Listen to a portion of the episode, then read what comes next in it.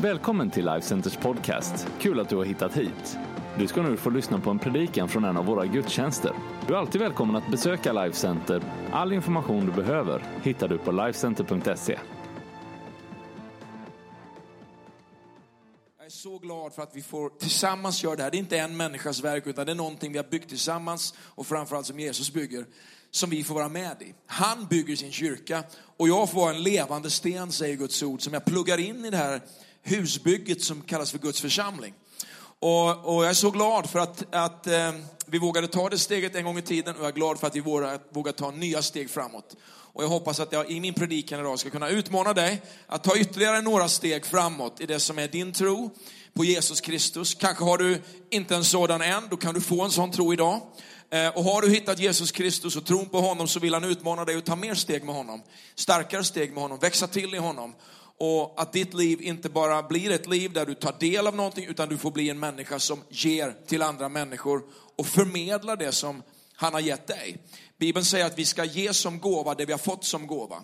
En del människor de konsumerar bara. Men, men Gud eh, tränar oss i att han ger oss fritt och inte precis som en, en förälder ger till ett barn. Så, så kräver man ju inte någonting av en ett och ett halvt-åring. Utan man, det enda man kräver är att de ska äta. Va? Eller man vill i alla fall att de ska äta. Eh, och, och så är man glad när de gör det. Och sen så lassar de, man lassar in och de lassar ut.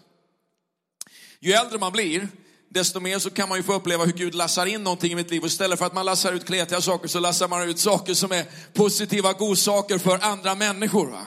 Och det är därför vi tror att en kyrka ska vara en kyrka för alla generationer. Men vi har också valt som kyrka att ha en approach till kyrkan, en approach till livet som innebär att vi som är mogna i Jesus Kristus eller har vuxit upp till en tro. Paulus han talar om en, att vi ska växa upp till ett fullt mått av manlig mognad. Varför då? Så vi kan avgöra vad som är Guds vilja, det som är gott, det som är rättfärdigt. För att vi också ska kunna ge vidare till den som ännu inte har vuxit upp. Va? Därför är det så att vuxna människor, de kan äta själv. Är du en vuxen människa så ska du kunna läsa den här själv. Eh, är du en eh, mogen Jesus-lärjunge, då ska du kunna mata dig. Eh, men människor som är nya i tron, eller människor som har gått igenom olika saker, behöver hjälp. Och eh, om du är en person som idag behöver hjälp, så kommer du få hjälp. Men du kommer också få en utmaning att Gud ska använda dig. Han vill växa dig. Han vill göra dig stark. Han vill göra dig trygg. Han vill, han vill byta ut det som är osäkert i ditt liv mot en trygghet i honom. Han vill byta ut det som är en barnslighet i tron till en mognad i tron. Så att ditt liv kan bli starkt och kan bära långt. Och det kommer att fortsätta vara ett äventyr. Va? Så länge du andas och lever, om du lever på det här sättet. För det slutar aldrig. Och det är därför jag älskar de här, eh, det här filmklippet om det som är då läger och sådana grejer. Jag var uppe i, i, i Lofsdalen här i förra veckan. Det är så fruktansvärt mycket snö i fjällen. Alltså det, jag, jag har ju skoter och sådana grejer, så jag, jag försökte ta mig från, med skotern utifrån min stuga ut liksom i terrängen. Och det var som att köra en ubåt i snön. Va? Det var dags att ta på sig snorkel och, med en lång snorkel. Va? Så mycket snö var det. Och i backen var ingen i backen, nästan utom jag själv. Och liksom det var pistat i två backar och så var det tre stycken där i toppen där som det var inte pistat någonting. Och det var massa, massa nysnö. Så har du inte anmält dig till läger än så anmäl dig. Vi har ett gäng också som vet, eh, jag vet är på väg till Val d'Isère och de kommer att ha det riktigt grymt där nere, jag är helt övertygad också om. Hörrni, nu vill jag predika för er.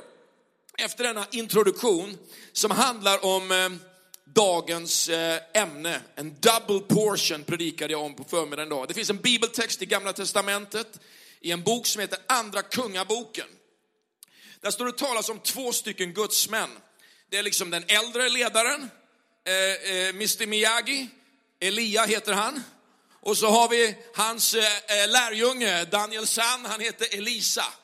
Och, och, och, det är båda män, trots att de har de här namnen då. Elia och Elisa.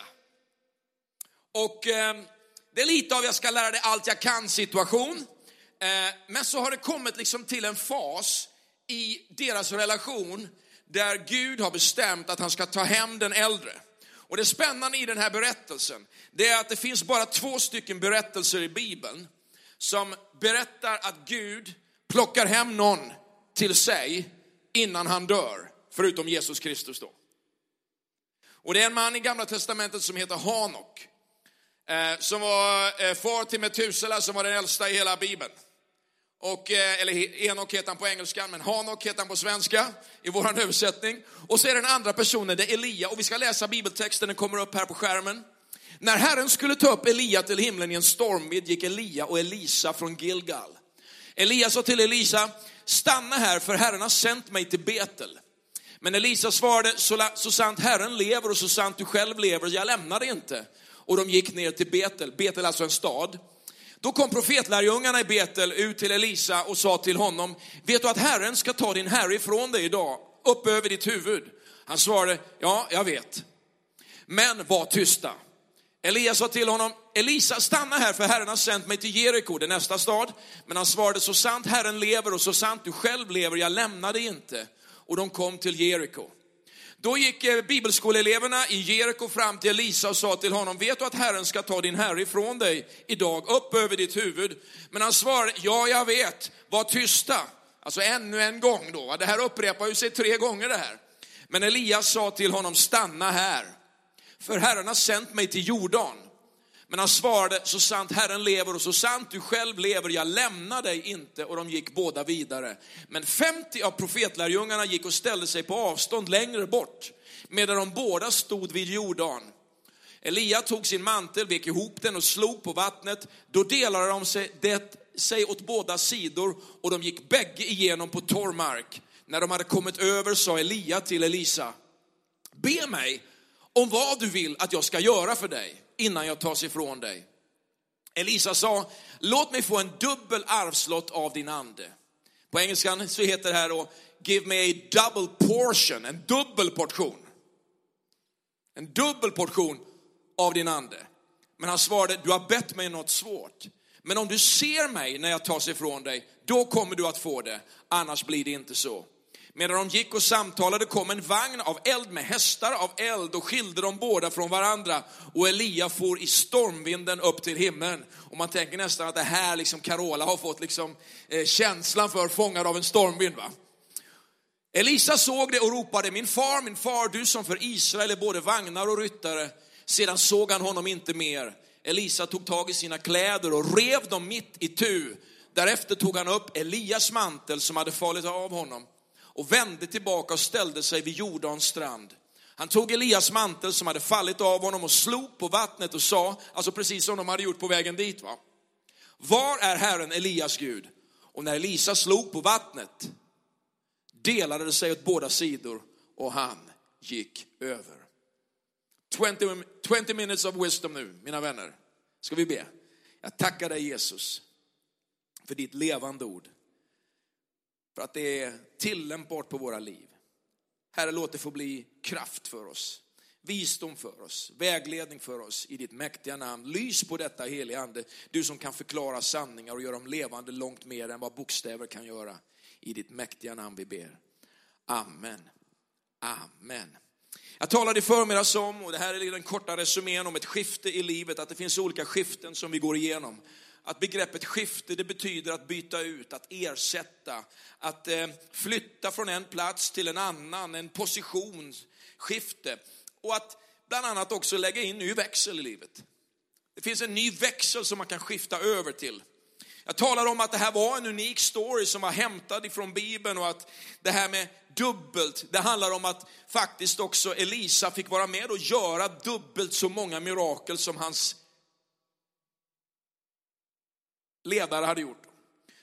Till exempel det sista undret han fick vara med och göra var att han var död och begraven och till och med hans ben hade liksom eh, blivit fria från allt köttet, hade ruttnat bort så pass mycket så där fanns till och med benen. När man skulle begrava en död person som touchade bara hans gamla ben så blev den här döda personen levande, precis som egentligen den här berättelsen hade talat om, att han skulle få vara med och göra dubbelt så många mirakel, dubbelt så mycket som hans ledare Elia. Min fråga i morse var det här. Finns det någonting som kan öka i kraft på ett sånt sätt som om det kanske idag tog ett år för dig att göra, skulle kunna gå på halva tiden i framtiden? Finns det någonting i ditt liv där du skulle behöva se en ökad kraft, ett ökat inflytande i ditt liv? Där det som kanske på något sätt då kräver en viss typ av energi, fast med samma mått av insats skulle kunna föra dig dubbelt så långt. Vad skulle hända i ditt liv då?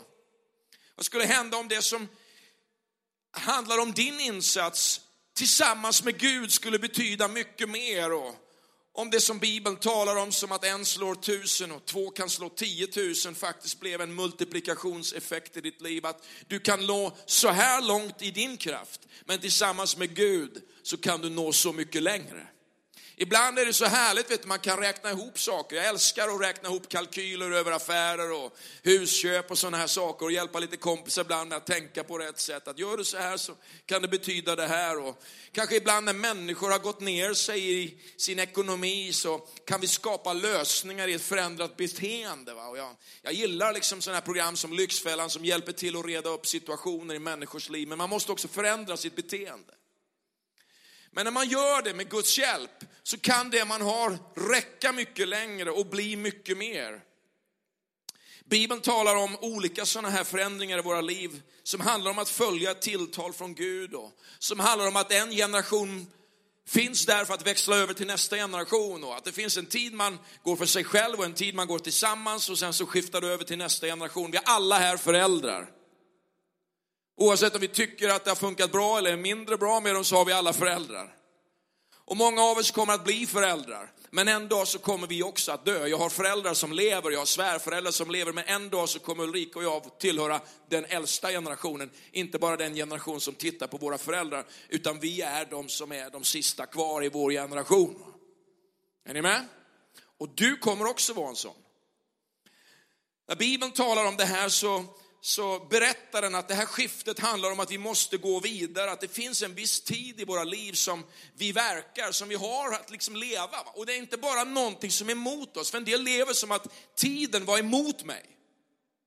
Men tiden är för oss.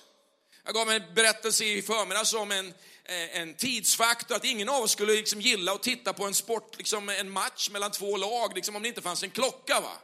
Och liksom hur klockan liksom kan ticka på ganska snabbt mot slutet. Va? Men tänk om du skulle titta på en evighetsmatch va? som aldrig tog slut. Hur kul skulle det vara? Det står 1358 mot 1227 i bandy och, och man känner bara, kan man få gå hem någon gång? Korven är slut och... Tiden är ju det som gör att det blir också på något sätt spännande. va?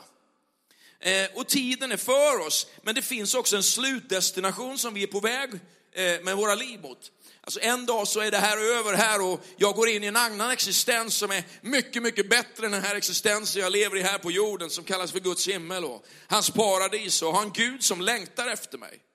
Men Gud för mig också genom mitt liv, genom olika platser och det är olika platser i mitt liv som jag kommer till och som jag är på väg till men som jag också måste lämna i mitt liv. Jag vill inte leva liksom på samma sätt som jag gjorde när jag var 15 år. Hur mysigt det än var att möta Ulrika för första gången. Så om vi hade fortfarande liksom som 52-åringar levt som, här är min eh, flickvän. Och folk bara, va? Hur länge, ja, är ni gifta? Nej, vi är inte gifta. Är ni förlovade? Nej, vi är inte förlovade, men hon är min flickvän. Och en dag så, en dag så ska vi kanske gå ut på riktigt. Alltså, det blir lite patetiskt va. Men vi är inte heller bara det här nygifta paret som liksom drömmer om det första barnet och kanske att hitta en lägenhet, utan vi är liksom, vi har passerat det. Och så är vi i en annan destination, hela livet är sånt här. Det kanske är så när din utbildning, alltså din utbildning finns ju där för att den ska leda dig till ett bättre jobb en dag. Förhoppningsvis.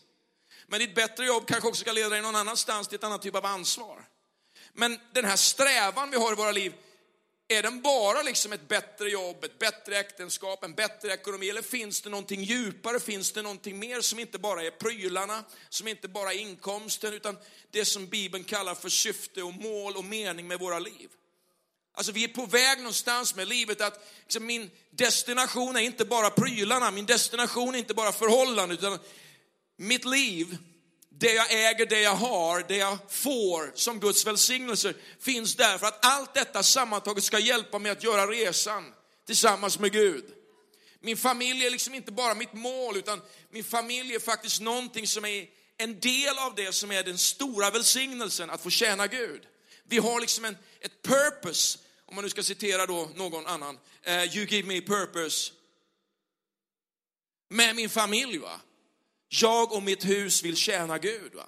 Och det är också det som gör att mitt, mitt äktenskap, min familj, min, min, hela det liv jag lever får en mening. Det är inte bara någonting jag går till och stänger dörren till, utan det är någonting som, som, som vi tillsammans är på väg eh, mot som familj. Och jag älskar det här. Va? När Elisa i den här texten talar om att han inte vill lämna och han vill gå vidare så handlar det om att han någonstans i sitt liv har bestämt sig för att gräva djupare i det som är livet tillsammans med Gud. Och det finns mycket härligt att säga om det och jag talade i morse bland annat om just att vi, vi har ett behov av att släppa saker för att kunna gå vidare. Vi kan inte hålla fast vid det som, är, som kanske är besvikelser eller bitterhet eller grejer som eh, människor kanske har gjort mot oss om vi ska kunna gå vidare. Om jag hela tiden släpar på en ryggsäck som är tung och fylld av liksom bördor så kan jag inte resa så snabbt som jag egentligen skulle kunna göra om den ryggsäcken fick falla av. Och en sak vet jag här i våran kyrka ikväll, är att många av oss här har burit på ganska stora stenar i den ryggsäck som vi haft i livet. När du hör Elvira berätta om att ja, när jag var 16 år så var mitt liv på ett visst sätt, så ja, då kanske hon kan tänka i sitt liv att jag var med om saker som jag egentligen inte ville vara med om, men jag var tvungen någonstans i mitt liv att göra upp med det som jag var med om för att jag skulle kunna resa vidare. Och en sak vet jag, att det finns bara en i den här världen som önskar att du ska leva kvar i det som är ditt förflutna, det som är dina nederlag och det är människans största fiende och han heter djävulen och han är bara ute för att sabotera våra liv. Men Jesus kom för att vi skulle få uppleva en total frihet i honom en, en, en, en sån oslagbar frihet att vi kan lämna det gamla. Att det gamla, säger Bibeln, är förbi och någonting nytt har kommit. Kanske kommer du från en livssituation där du har fått vara med om svält eller om krig eller om svåra omständigheter. Kanske har du vuxit upp med, med en familj som har varit insyltad i droger eller missbruk. Men det finns saker som människor bär på som man måste kunna uppleva en frihet från för att nå fram till allt det som Gud har ämnat och förberett dig för. Och Det säger också någonting om att oavsett, oavsett vad du har varit med om så är det faktiskt så att Gud har en, en plan och han har en styrka så att han kan hjälpa dig att bli fri ifrån det som du har varit med om. Så att du kan leva ett annat liv. Är du med på det här? Är det bra Hanni? Du låg så härligt här på första raden. Jag tänkte, hör jag... Vet, eh, det är viktigt att man håller koll på varandra så man ser, ser så bra ut som möjligt. Hörrni, eh, jag tänkte tala lite ikväll om, om det här nu var en resumé på något sätt, om det som handlar om hur du plockar upp det som är din mantel och det som Gud har förberett för dig. Hur gör man det? Vad handlar det om? Den här manteln som, som han, eh, han säger ju egentligen så här, hans, hans eh, ledare där, Elia, hans eh, mentor. Begär någonting av mig, vad som helst, och jag ska ge det till dig. Han säger, ge mig en dubbel arvslott. Och någonstans så symboliserar den här manteln i berättelsen som faller ner när Elia lämnar, det som finns över hans liv. Du vet redan när Elisa kallades av Gud, att tjäna honom, så kommer den här profeten till honom. Elisa han är ute och han plöjer en åker med ett par oxar där och så kommer Elisa fram till, eller Elia fram till honom och så, så, så lägger han sin mantel över honom. Och han vet att det här är en man som har med Gud att göra. Att den där manteln symboliserade någonting av en tyngd, av en tjänst och av någon form av ämbete. Så när åren går och Elia lämnar och den här manteln ligger på backen, va? Så tänker Elisa, wow, är det det det handlar om? Var det det det handlar om? Alltså någon typ av förmåga, någon typ av uppdrag, någon typ av tjänst som ligger på hans liv. Och min fundering här ikväll det är den här, vad finns över ditt liv? Vad är det som ligger på ditt liv? Du kanske inte bara har ett namn och du kanske inte bara har ett namn och en viss ålder, utan kan det vara så att Gud har förberett någonting för dig. Att Gud har tänkt på dig på ett visst sätt. Att han har tänkt när han skapade och formade dig i din mammas mage att den här personen har jag en plan med. Men inte vilken plan som helst, utan en unik plan. Ett unikt syfte. Och när du en sån här kväll som den här, när du lyssnar på mig, lyssnar till de här orden och börjar fundera på vad handlar mitt liv om? Så kanske många av er redan vet det och några av er kommer få reda på det. Jag tänker på den här texten och några olika tankar omkring just det här med att hitta fram till det som är ens liv. Hur gör jag det? Det första jag tänker på är det här, du ska få några punkter på skärmen här. Att våga låta dig ledas. Du vet, Gud i vår tid sände den heliga ande. Vet, när Jesus går på jorden så går Gud på jorden, eller hur? Så lämnar Jesus och så säger han, när jag går bort så ska jag ge er en annan hjälpare, den heliga ande som alltid ska leda er, vägleda er och påminna er om allt jag sagt. Han ska ta från mig och ge till er. Jag viskar i hans öra och han kommer att tala till er. Våga låta dig ledas. Gud, han talar också i vår tid genom sitt ord, genom sin bibel, men också i alla oss som har mött honom. Så sänder han tankar, han sänder idéer och han vill leda dig där du går fram. När du finns i plugget, när du finns på jobbet, så talar han tankar, han talar idéer.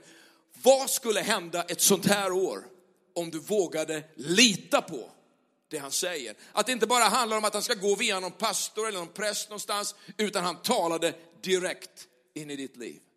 Vad skulle hända om du på plugget liksom fick en känsla eller en upplevelse av att jag kanske ska gå och snacka med den här kompisen Be honom följa med till kyrkan eh, på söndag eller på youth på en fredag eller på unga vuxna liksom på onsdag. Eller bara ta en fika med den här personen, bara kanske ge en uppmuntran till den här personen för jag vet att den har en kanske tuff period. Då. Vad skulle hända i en sån människas liv? Vad skulle hända i ditt liv om du vågar låta dig ledas på ett nytt sätt det här året? Jag tänker på också det här med att våga hålla fast vid din kallelse. Du vet den här kallelsen Elisa fick, där, den här manteln som var kastad över honom den fanns ju redan där. Tänk om du skulle hålla fast vid det. Du som har fått reda på, du som upplever att det finns en plan med ditt liv. Håll fast vid det. Backa inte undan från det. Låt ingen lura dig på det. Det finns ett syfte och en plan med ditt liv. Använd det. Ställ dig lite rakryggad och säg, jag har fått någonting av Gud. Han har gett mig ett nytt liv, men han har också gett mig ett uppdrag här i världen. Om det är liksom att vara en predikant i Life Center, I don't know. Om det är att vara en businessman, I don't know. Om det är att vara en sjuksyrra någonstans eller en skolkurator någonstans. Eller om det är att liksom jobba som busschaufför eller som professionell skidåkare, I don't know. Men han ger dig ett uppdrag. Våga lita på det och våga använda det. Ja, men han har gjort dig till en businessman, bli världens bästa businessman. Han har gjort dig till en sjuksyrra, bli en duktig sjuksyrra. Pluggar du just nu? Låt Gud använda dig där du pluggar. Det tredje jag tänker på, vad är dina behov? För det står faktiskt här i texten att Elisa frågar honom, vad vill han ha? Vad vill du ha? Vad vill du jag ska göra för dig? Ja, en jättehäftig berättelse, eller en jättehäftig händelse för några veckor sedan. Strax före jul så var jag i New York med Robban och, och, och, och, mötte en affärsman där och så satt jag i hans lägenhet där precis vid Central Park och han, liksom, han levde på en nivå där jag liksom inte lever och, och, och flyger upp liksom till New York i sitt liksom, privatjet där och så, och så jag är lite imponerad av det här. Vet du. Det är inte alla, jag, har inte, jag har inte mött så jättemånga människor som har liksom en Gulfstream 4 liksom, och privatchaufför och piloter och grejer. Alltså, jag tyckte det var lite kul. Så satt jag i hans lägenhet och så frågade han mig, så vad behöver du, sa han. Och jag, bara, jag blev helt stum. Jag var där och kände liksom mig välsignad bara vara där och samtala om, om, om någonting han också gör för vår kyrka på ett härligt sätt. Då. och vad behöver du, sa han. Och jag, jag, jag, blev, liksom, jag blev chockad. Va? Jag kom inte dit liksom ett stort behov. Va? Jag tänkte, men tänk Gud om jag hade haft ett jättebehov. Va? Tänk om mina tankar, tänk om jag hade gripit dina tankar så, så att den dröm som du har för Sverige eller för den här delen av världen hade varit så stor att jag inte hade klarat det på eget sätt, att jag hade faktiskt behövt hans hjälp. Och jag kände som att Gud bara tog tag i mig på något sätt. Han liksom fångade någonting i mig. P, du måste, du måste våga tänka på ett annat sätt. Du måste våga tänka utanför boxen ännu mer. Vi måste våga tänka utanför boxen ännu mer. Vad behöver du? Bibeln säger att vi ska få låta, vi ska kungöra, vi ska berätta alla våra önskningar för honom. Att det finns någonting som man kan gå till Gud med, som inte bara är det här egoistiska behovet som handlar om, liksom, ge mig liksom en ny cykel eller en, det kan ju vara att man behöver en ny bil. Va? Men när man får koppla behovet in i Guds plan. Wow! Vi brukar ibland säga så här, Where's there, where, there, where there is vision, there is provision. Alltså där det finns en vision finns det provision, alltså försörjning, resurser för det. Men om din vision, om din dröm är så liten att det inte behövs någon hjälp för att nå fram dit så kommer du fortsätta hålla på med din lilla dröm. Tänk om Gud vill bara lyfta locket av. Det kan handla om ekonomi, det kan handla om människor, det kan handla om kunskap, det kan handla om kontakter som du behöver i ditt liv. Låta Gud få bara blow your mind. Blow your mind. Wow! Det fjärde jag tänker på är att du behöver vara närvarande. Den texten utmanar ju liksom Elia Elisa och så säger han så här, det är någonting svårt som du har bett mig om. Han säger, men om du ser mig när jag tas ifrån dig, då ska det bli så. Och jag tänker, det finns så många människor i den här världen som missar det Gud gör. Vet, när Gud liksom show up, va, så är man någon annanstans. Och det är inte bara det här liksom att Gud kommer på en plats eller liksom han finns i en kyrka och det är det vad vi kallar för väckelse, att någonting sker. Det kan vara det också. Men när Gud show up, visar sig i ditt liv, är du närvarande där? Eller liksom är du någon annanstans? Det att få vara närvarande när han talar kan vara svårt när bruset är så högt i våra liv från så många olika saker. Det är så många signaler som sänds in i våra liv. Har du försökt någon gång att sitta en morgon helt stilla och bara lyssna på vad Gud har förberett för ditt liv? Jag förstår att det kan vara svårt för en del som lever med, med bebisar och småbarn och alltihopa. Men du vet, det kan vara ganska svårt när man är en tonåring också. Va? Att leva sitt liv liksom och höra hans röst. Därför att det är så många signaler. Va? Att bara stilla ner sig och vara närvarande där han är. Och kanske till och med lära sig att i bruset av allt som pågår i ett samhälle där han också show up, där han visar sig, där han talar, att vara närvarande och fånga ögonblicket. Vad skulle hända den här veckan som ligger framför oss om du fångade vad han ville göra i din vardag, i ditt liv på ett helt annat sätt? Att man lever lite mer med liksom beredskap. Va? Du vet, jag körde på en ren före jul, jag höll på att köra på en till i förrgår här. Och jag tänkte det här, det, det, det, för jag vet att det finns en liksom, viss vägsträcka där de dyker upp. Va?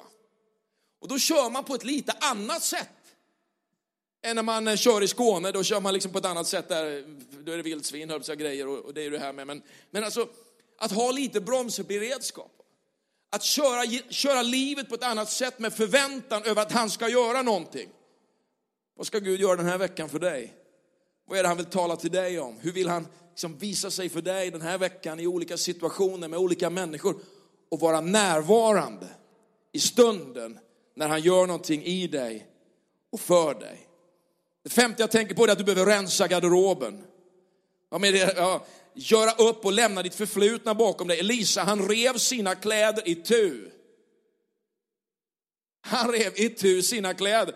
Alltså det är ju en del som känner här, vad kul att få rensa garderoben. Men min garderob, den har ju lite nya grejer borde ha lite mer nya grejer. Ibland känner, ibland känner man sig så tråkig, man tittar i sin garderob, det är bara samma gamla grejer. Det är inte bara frun som säger det, utan jag ser ju samma fleecejacka som jag haft ibland och, och samma rutiga skjorta där och samma svarta t-shirt och samma strump. Strumporna är ju hopplösa.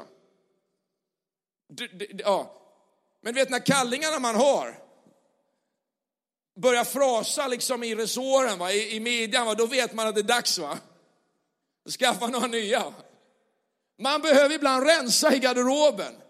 Och, och, och jag tror att det är oerhört viktigt i våra liv att förstå att vi kan få göra upp och lämna vårt förflutna bakom sig. Det finns en ny identitet i Jesus Kristus. Att bara få lägga ner det som har varit. Lägga ner det gamla. Håll inte på att dra upp de där gamla paltorna igen. Utan lev på ett nytt fräscht sätt och rensa i garderoben och ta upp manteln. Nästa punkt. Gud ger nya förutsättningar. Men du måste vilja plocka upp de nya förutsättningarna. Om han säger, jag har gjort något nytt i ditt liv, plocka upp det nya och lev det nya livet. Jag tänker också på att ta vara på den tid du har fått. Därför att en dag så faller ju manteln av. Och så måste man gå vidare. Det innebär att jag har ju en viss tid i mitt liv va? att lägga ner det jag har fått i andra människor. Va? Och jag känner mig liksom lite laddad va? för att lägga ner bra grejer i andra människor. Fantastiskt liv. Du ska känna Gud. Det finns en plan med ditt liv. Du ska bli en gudsman, du ska vara en gudsman. Du ska gå med Gud. Du ska vara stark med Gud. Du ska vara stark med Gud. Du ska inte backa undan. Det finns en sån plan med ditt liv. Det finns ett syfte med ditt liv. Du är högst älskad, du är vacker, du är skön. Men i Guds ögon finns det mer än bara den skönheten. Det finns ett djup i dig. Där du ska liksom tjäna Gud på ett så här härligt sätt, fritt sätt. Och bara få älska honom och vara fri med honom. Det finns ingenting som ska tvinga dig att vara någon annan än den du är. Oavsett vad människor runt omkring dig tänker om dig så får du vara den du är. Bara vara precis så naturligt härlig som du är. Släppa loss den där härliga tjejen i allt. Skratta mycket, jubla mycket. Du, du är ju en styrkeman. Du är en strong man. Och du ska vara en strong man i Gud med. Du ska inte vika ner dig. Du ska inte böja ner dig. Du ska inte låta tankar som talar liksom att du är en svag liten plutt. Liksom ägna liksom sin, sin tid, sin spinntid i ditt huvud. Du är en stark man. och Du ska vara stark i Gud. Och ägna dig åt det. Du gillar att bygga styrka, jättebra, men bygg styrka med Gud. Bli stark i honom och hans väldiga kraft står det i Guds ord. Han vill bara fortsätta att mata på sig allas våra liv. Han vill mata på i allas våra liv. Och inte backa undan, inte vika ner sig, utan gå framåt i hans kraft. Vi ska bli det bästa som finns i Linköping. Bara släppa loss det. Bjuda in människor i en gemenskap och låta liksom allt det som vibrerar i Gud bara få liksom spränga begränsningar. Men det handlar om att leva medvetet. Va? Eller ska man liksom bara sila på lite själv så här och glida in när jag själv känner för det? Eller ska jag vara med och ägna mig åt det som är Guds rike? Bli stark i Gud. Ja, vad händer idag? Jag vet inte, men händ själv. Händ själv. Vad händer i kyrkan då? Ja, men händ du. Ja, vilka åker med på lägret? Ja, jag åker med så kommer det bli kanon. Ja, jag ska inte åka med den här gången, men, men, men alltså, jag tänkte så en gång i mitt eget liv. Va? Vilka är med? Ja, men jag är med, då kommer det bli bra. va? Och så drog man med lite vänner och så gjorde man livet bättre. Du ska vara en som gör livet bättre med Gud. Du ska vara en som liksom vågar tala ut någonting gott över andra människor. Du ska gå i det som är Guds kraft. Elisas uppdrag var detsamma, men kraften ökade från generation till generation. Jag förväntar mig mycket av nästa generation. Men snacka går ju. Därför var sista punkten, våga tro. Det är tid för ett skifte. Ska be teamet komma upp här. Elisa, han plockade upp Elias mantel och så gick han tillbaka till det som var Jordan. Och så sa han så här, var är tidigare generationers Gud? Men han sa inte bara ord, han snackade inte bara, utan han tog upp manteln och han slog den på vattnet och det delade sig. Du måste sätta din tro i rörelse. Det är tid för lite action. Det är tid för action. Ditt liv är ett fantastiskt liv med Gud. Det är tid för action. Det är din tid nu. Använd de gåvor Gud gett dig. Bruka dem. Räkna med Gud. Låt honom ha inflytande. Lyssna på hans röst och han kommer låta dig få se saker som du aldrig trodde var möjligt. Aldrig trodde var möjligt. Det här gäller alla oss här inne idag. Men det gäller särskilt en ung generation att fånga detta, springa med detta, rusa på med detta och tidigare generationer kommer bara ösa, ösa kraft över er, ösa välsignelser över er och vi kommer att heja på som aldrig förr. Och mina största upplevelser har jag inte ens sett än. Utan det är någonting som Gud har förberett för både mig och för oss alla. Ska vi ställa oss upp allesammans?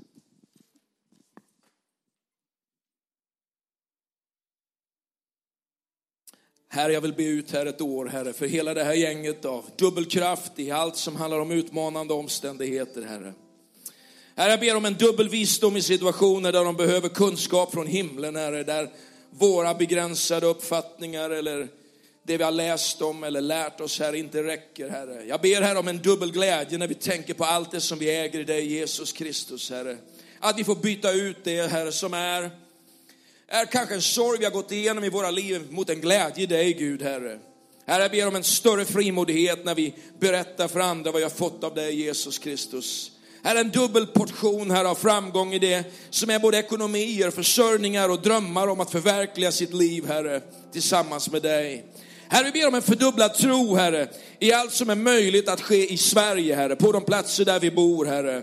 Och vi ber här om en mångfaldig ökning av genombrott i allt det som Gud har förberett för varje människa som finns i våran kyrka. Och allt det folk som vi berör, Herre, i ditt välsignade namn, Jesus.